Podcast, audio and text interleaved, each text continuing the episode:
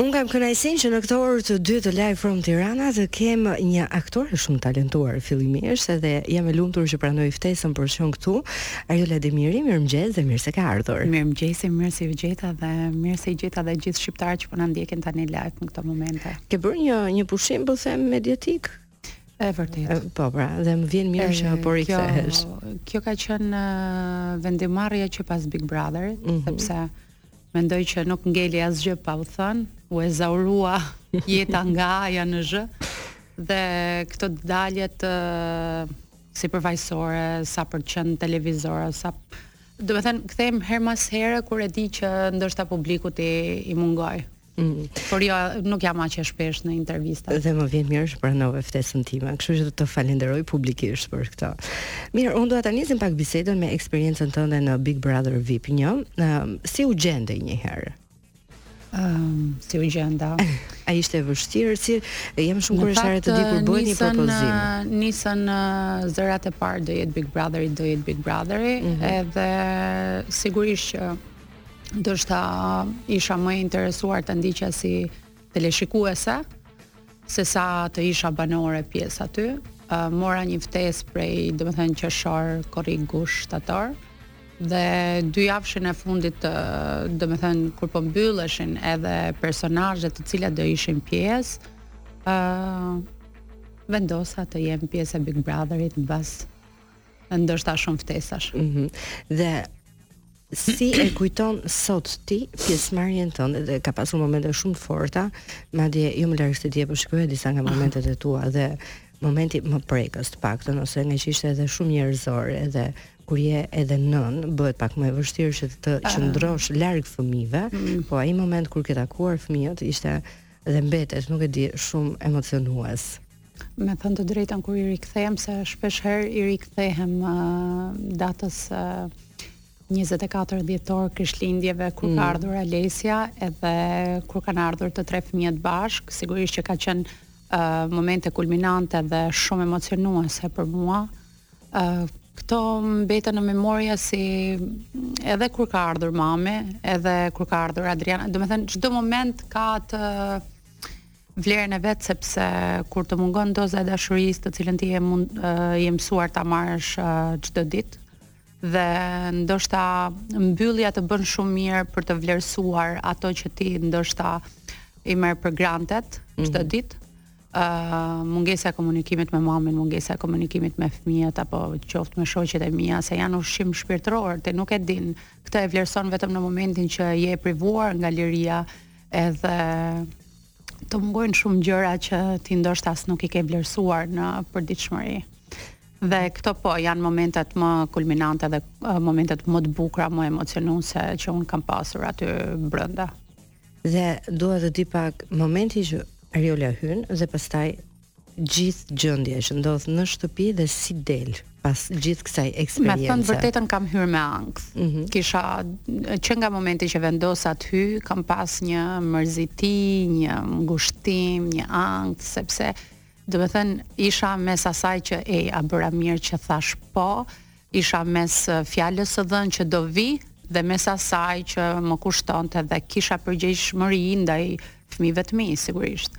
Edhe duke qenë që kam hyrë me pasiguri të madhe për këtë fakt. Dhe më ka shoqëruar deri në fund. Po të kisha qenë dhe ta kisha ditur që ata do ishin shumë shumë mirë. Ndoshta uh, nuk do kisha qenë aq shumë e ndjeshme sa sa edhe kam qenë. që momente momente është marrë për shumë gjëra të tjera, që vetëm ndoshta viktimizim nuk ka qenë asnjë moment. Ka qenë ndjeshmëri e një nëne që është tej mase e lidhur me fëmijët e saj dhe me përditshmërinë e tyre. Edhe po, kam hyrë me një me një pishmanllik kështu. Domethënë, isha një këmbë brenda, një këmbë jashtë dhe duket shumë qartë sepse i kam momentet e hyrjes kur marr një frymëmarrje të thellë përpara se ta hap derën, isha gati të kthehesha mbrapsht.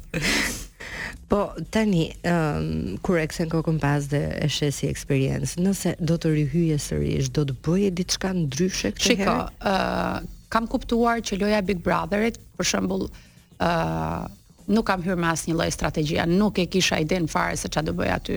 Kisha një ide që thosha, un jam kjo Ariol që jam, kam funksionuar jashtë, do funksionoj edhe brenda. Dhe kam funksionuar brenda shumë mirë ashtu siç jam edhe jashtë. Sigurisht që u edukuam së tepërmi. Sepse shiko, kishim një përgjegjshmëri të madhe ndaj publikut që na ndiqte. Edhe sigurisht ndaj familjarëve tan, ë uh, si fillim, fëmijëve, dhe ndaj publikut. Për shembull, uh, un jam një natyrë uh, shumë e dashur, në të njëjtën kohë, po edhe shumë e ftohtë në të njëjtën kohë. I kam të dyja. Në momentin që un uh, gjej uh, respekt nga ana jote, mirësjellje nga ana jote, ajo mund të shndrohet në dashuri, miqësi, në kuptimin uh, dashuri reciproke, qofshim ne mhm. shoqe, shok e shoqe, nuk ka rëndësi, domethënë shndërrohet në një ndjenjë pak më shumë, sepse unë nëse nuk i dua njerëzit, nuk pranoj të rri me ta, uh, nuk pranoj për hir të së vërtetës që të rri me dikë që është i famshëm, ka pushtet, vetëm se ai ka këto gjëra, në qoftë se unë nuk lidhem sentimentalisht me këtë person dhe nuk kam gjëra të ngjashme, nuk rri. nuk rri. Domethënë këtë e kam në jetën e përditshme dhe unë kam çuar Ariolen nga jashtë, Ariolen brenda dhe siç kam funksionuar jashtë shumë mirë, kam funksionuar edhe brenda shumë mirë. Përveçse jam një karakter shumë i fortë, unë zgjedh që t'ju ik problemeve, në fakt, me thënë të vërtetën. Mm -hmm.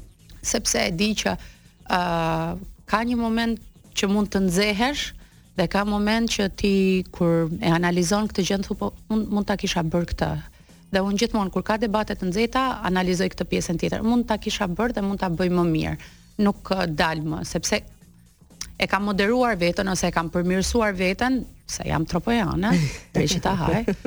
Jam eh, natyralisht një njeri shumë gjaknxehtë.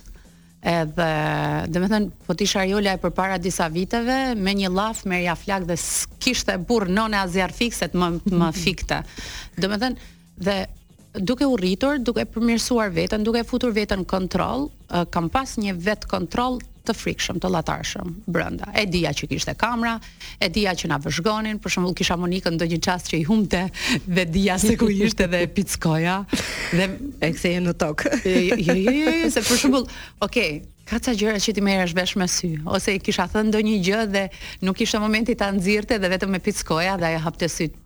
Urdhëroj të shamoni ka kur ta kam thënë unë ty këtë gjë, edhe ia hapja sytë kështu fort. Unë ta kam thënë. Ja.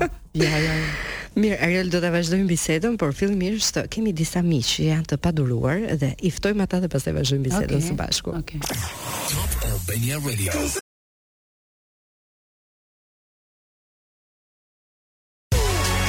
Unë me zhëtë jemi në studio me Ariola Demirin dhe jemi duke folur për eksperiencën e saj brenda shtëpisë së Big Brother VIP 1, kur ajo ka marrë pjesë, por dua të pyes pak në lidhje me miqësitë. Unë dje kisha dhe Arbër Çepanin që po mm -hmm. tregonte për uh, eksperiencën e tij dhe ai ka qenë në Big Brother-in e parë fare, por gjithmonë thuhet që Jashtë shtëpisë ne i zgjedhim njerëzit, se me kë do të qëndrojmë, me kë do të ndajmë biseda, por brenda shtëpisë bëhet pak e vështirë kjo gjë.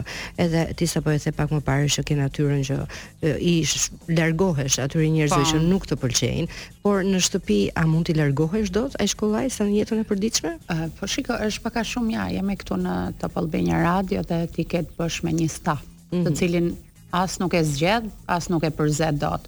Domethënë, do ndeshesh çdo ditë me dikë që ti e ke qejf, dikë që e ke antipati, është si në jetën e përditshme, është është normale. ë uh, Mendoj që po, mund t'i mund t'i shmangesh njerëzve që ke në shpi. Pastaj kur njerëzit vijnë, uh, domethënë përballë, sigurisht që s'mund t'i shmangesh më. Domethënë ka disa momente që bëhet e pashmangshme gjëja, por mm. nëse ti do ta evitosh një person në shtëpi, po ka ambiente sa duash që ta evitosh. I bën skip. Po i bën skip.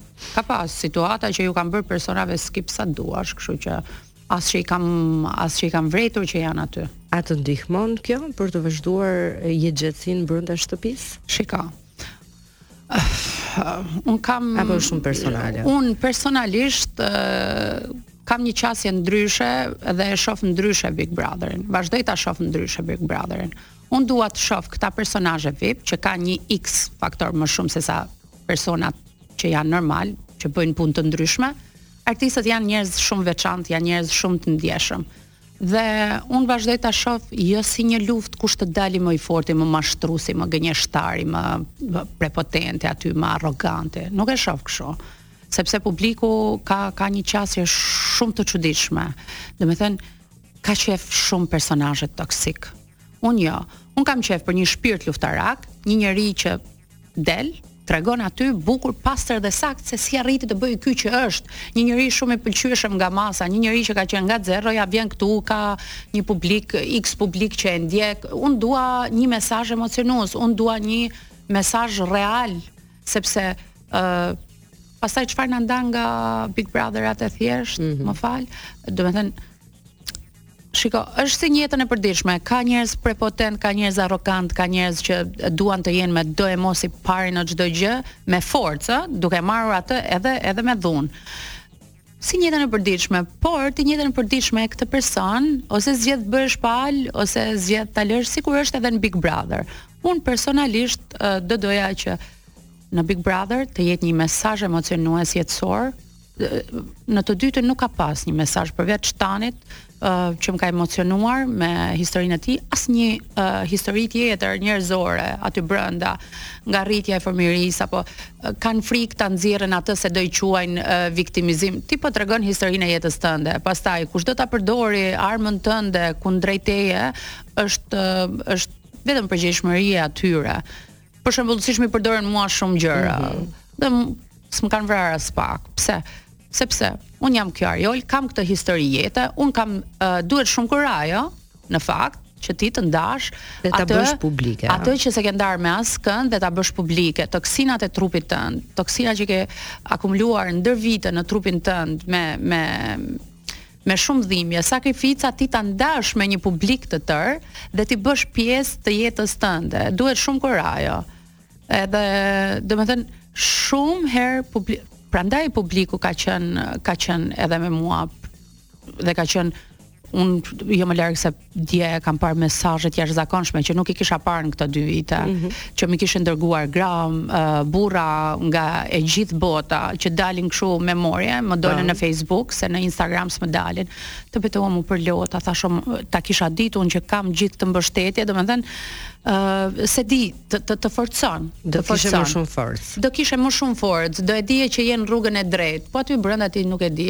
A je e pëlqyeshme, a nuk je e pëlqyeshme dhe kjo për mua nuk ka qenë problem. Unë thoja po më pëlqyen mirë, po s'më pëlqyen. Gjithmonë kam qenë dhe jam e parimit që ti merr atë që ke rrisk, nuk merr asgjë tjetër. Edhe se di, un jam për persona të vërtetë në Big Brother, jam për artistë të vërtetë në Big Brother që kanë një mesazh për të përçuar, ë uh, që kanë uh, kanë karakter të fortë dhe me këtë karakter të fortë, uh, domethënë dominojnë edhe mbi të tjerët. ë uh, që kanë uh, kujdes dhe respekt edhe ndaj të tjerëve. Domethënë mua më pëlqejnë këto personazhe dhe do doja të shikoja sa më shumë personazhe të vërtet dhe jo uh, njerëz me skema, njerëz me strategji, njerëz që të fitojnë uh, mbi disa njerëz të tjerë në këto rrethana që janë dhe të përfitojnë vetëm për hir të lojës dhe të përfitojnë uh, Un me këto nuk jam. Tani, me qenë se e përmende pak shkarazi Big Brother VIP 2-shin, mm -hmm. mund të më thuash se cili ishte personazhi që uh, të ka bërë për vete, pra që e ke uh, simpatizuar dhe ai që, apo ajo që nuk të ka pëlqyer fare dhe për çfarë arsye? Ka pas momente për shembull që më ka pëlqyer uh, Efi shumë. Mhm. Mm ka pas momente që më ka pëlqyer Dea Mishel shumë. Ëm, kush ka qenë tjetër? Mm. Po, ndoshta vetëm këto. Ai apo ajo që nuk të ka pëlqyer fare? Dihet publikisht nuk kam nevojë as ta përmend emrin. Jo, sepse do thon ja e atakoj, ja kështu, ja ashtu. Ë uh, nuk më ka pëlqyer uh, deri në momentin që ka përmendur emrin tim, kaq. Mm -hmm. dhe ka pas ke reaguar në atë periudhë. Ë uh, sigurisht sepse ka pasur një mbështetje nga ana ime sepse të gjithë miqtë e mi ishin me të. Ë uh, dhe ka pasur një mbështetje nga ana ime për figurën e tij deri në momentin që u përmend emri im një 5-6 herë aty brenda. U bë lajtmotivi i jetës dhe sigurisht që më kishte idhull për mënyrën se si kisha luajtur brenda dhe për çfarë un kisha përfituar aty brenda. A përfitoi diçka ai prej teje, këtë po thua, në momentin që të hmm. ka për jo, folur ai shumë un, un, dëgjo. Uh, në momentin që ti flet me siguri për një person që ti nuk e njeh. Mm -hmm. që ti nuk ke jetuar asnjë ditë me të që nuk ke shkëmbyer asnjë llaf, nuk ke pirë asnjë kafe dhe flet me aq siguri të madhe uh, për një femër që mashtroi në Big Brother, që nuk e di për çfarë mashtrova, për historinë e jetës time, për vajzën që jam, për aktoren që jam, se nuk e di në cilën pikë mashtrova. Mm -hmm. Sepse gjërat janë e bardha, e bardhë, e zeza e zezë. Dhe në momentin që ti ke kurajën dhe tregohesh aq maskilist sa ta ulësh një femër dhe mbi të gjitha nënën e tre fëmijëve se paskam gënjyer për të përfituar një shtëpi, kur ai e di shumë mirë që shtëpia nuk ishte çmim aty. Është vërtet. Nuk ishte çmim, ishte një dhuratë ë uh, totalisht e papritur nga ana ime. Uh, nuk e kam kërkuar, por kam pas ide të qarta. Më kanë thënë për çfarë e do çmimin e madh dhe un kam thënë, e dua që në qoftë se e fitoj, nuk do s'kam thënë asnjëherë un do ta fitoj Big Brother. Mm -hmm. Asnjëherë, asnjëherë edhe kur më kanë thënë e kam bërë një sepse ti nuk e di. Nuk e di, a do ta fitosh, a s'do ta fitosh, nuk duhet të bësh prepotente, nuk duhet të bësh arrogante, nuk duhet, domethënë, mendjemëdhenjtë un i urrej shumë. ë i, i urrej jashtëzakonisht shumë. Dhe ë të thuash një gjë, është dëshira jote po, manifestoje, thirre, ë mendoje, është e jotja. Mos e bëj me zë të madh. Po e kam dëshiruar fitoren, pa diskutim. Sepse edhe kur ju kam thënë që do hyj brenda, në takimin e parë ju kam thënë unë e di që do shkoj shumë larg. E di që do shkoj shumë larg sepse e njoh Ariolën. Mm -hmm. Duke njoftur Ariolën e di se ç'a bën Ariola. Unë jam një njeri i pavarur që po të isha për shembull në një ishull ose të isha në një mal që jemi me këto njerëz, e dija që do isha e para që do mbijetoja. E dija që do isha e para për shkak të mënyrës se si jam rritur, për për shkak të eksperiencës jetësore që kam, e di që nuk ja kam nevojën askujt dhe e dija që do shkoja shumë, shumë, shumë larg, edhe e vetme. Dhe sigurisht që rrugës uh, fitova miqësi, sepse thash, unë e kam shumë të vërtetë atë që bëj. Ndalemi nuk... pak te miqësitë sepse pa. Po. gjithmonë janë dy kategori po. njerëzish, pa. qoftë tek miqësitë apo tek mm. historitë e dashurisë që ndodhin mm -hmm. brenda shtëpisë. Ëm um, a janë të vërteta apo jo? Janë një grup që mendojnë që mund të jenë të vërteta dhe një kategori tjetër që thonë jo, nuk ka miqësi apo dashuri të vërtetë. Por E dua opinionin tënd vetëm uh, pas miqve. Duhet të bëjmë ndonjë shkëputje. Miqtë e tua që janë gjithmonë të padurueshëm, po i presim. Nuk presin, janë shtatanik. Në një herë pra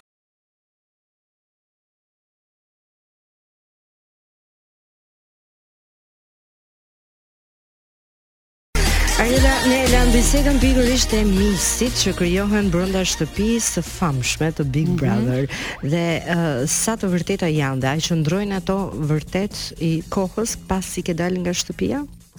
Shika, um, kam pas një miqësi që Pothuajse me personazhet që jam takuar aty brenda, uh, kam qenë banorja që më së shumti ka pas njohuri nga ja, domethënë miqësi nga jashtë janë mm -hmm. futur brenda.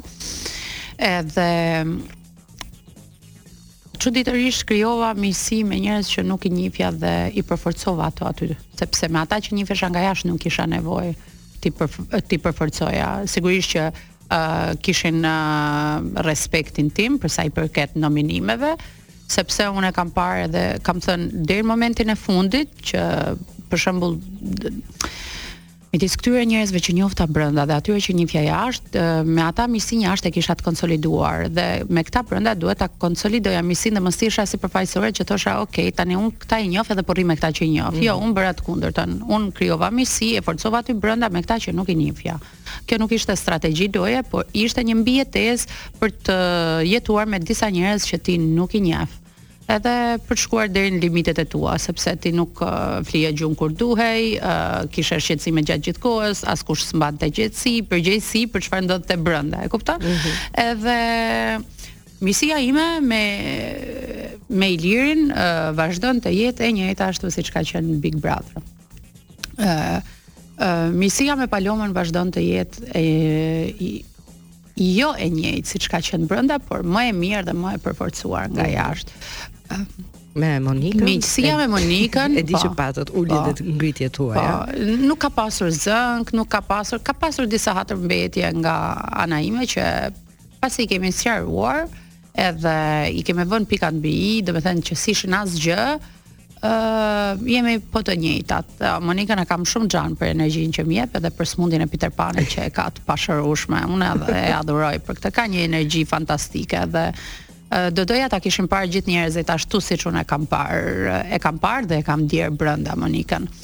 Uh, kush ka qenë tjetër është uh, e përmenda Sheilën? Jo. Mm -hmm. Edhe Sheilën, edhe Sheilën gjithashtu kam një konsideratë edhe uh, një afeksion shumë të madh që nga Big Brother dhe që është përforcuar edhe me daljen jashtë. Pastaj kam Arditin, Arbrin që uh, sigurisht uh, Jemi njohur brenda dhe miqësinë e mbajmë e mbajmë edhe jashtë. Po edhe me Dagzin e Pemën vazhdon të jetë mhm. miqësia mm -hmm. siç ka qenë, kështu që doja të të pyesja pak për këtë. Okej, okay, dakor. Me Klejdin, me Klejdin që e kam pasur shumë xhan brenda, e kam shumë xhan jashtë, por që nuk takohemi tashmë aq shpesh sepse rutina e jetës ose mm -hmm. mënyra e ndryshme kur vjen ka ato impenjimet e veta.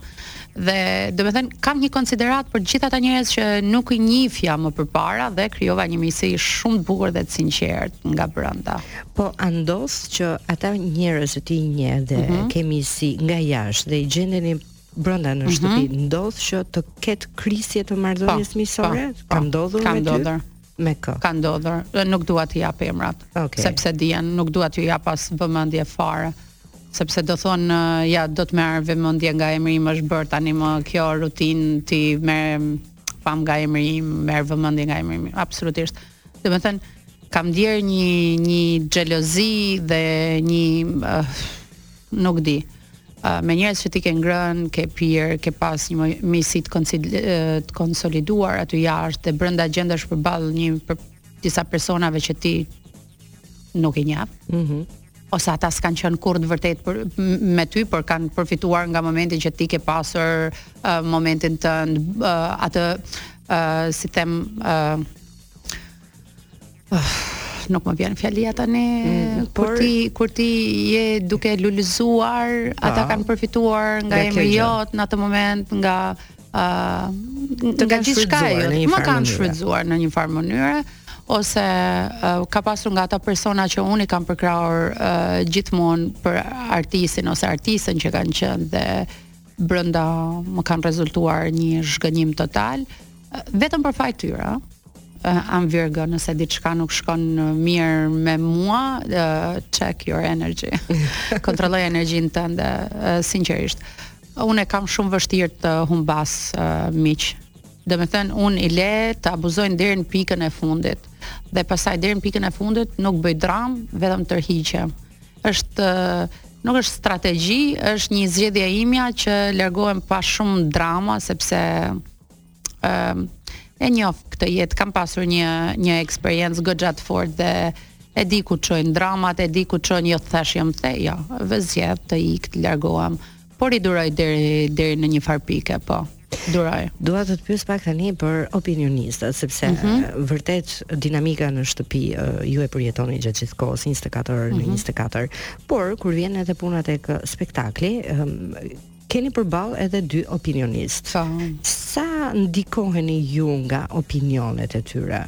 Dhe si ndryshojnë um, dinamikat pastaj brenda? Uh, Uh, unë asnjërin nuk e kam njoftur personalisht. Mhm. Mm i kam uh, njohur si figura publike. Ë uh, Arbri më ka ardhur uh, i drejtë. Ë uh, shpesh herë ë uh, uh, në komentet e tij ka pasur edhe nënmesazhe të cilat ndoshta unë nuk kam ditur t'i lexoj, por që kanë qenë në favorin tim.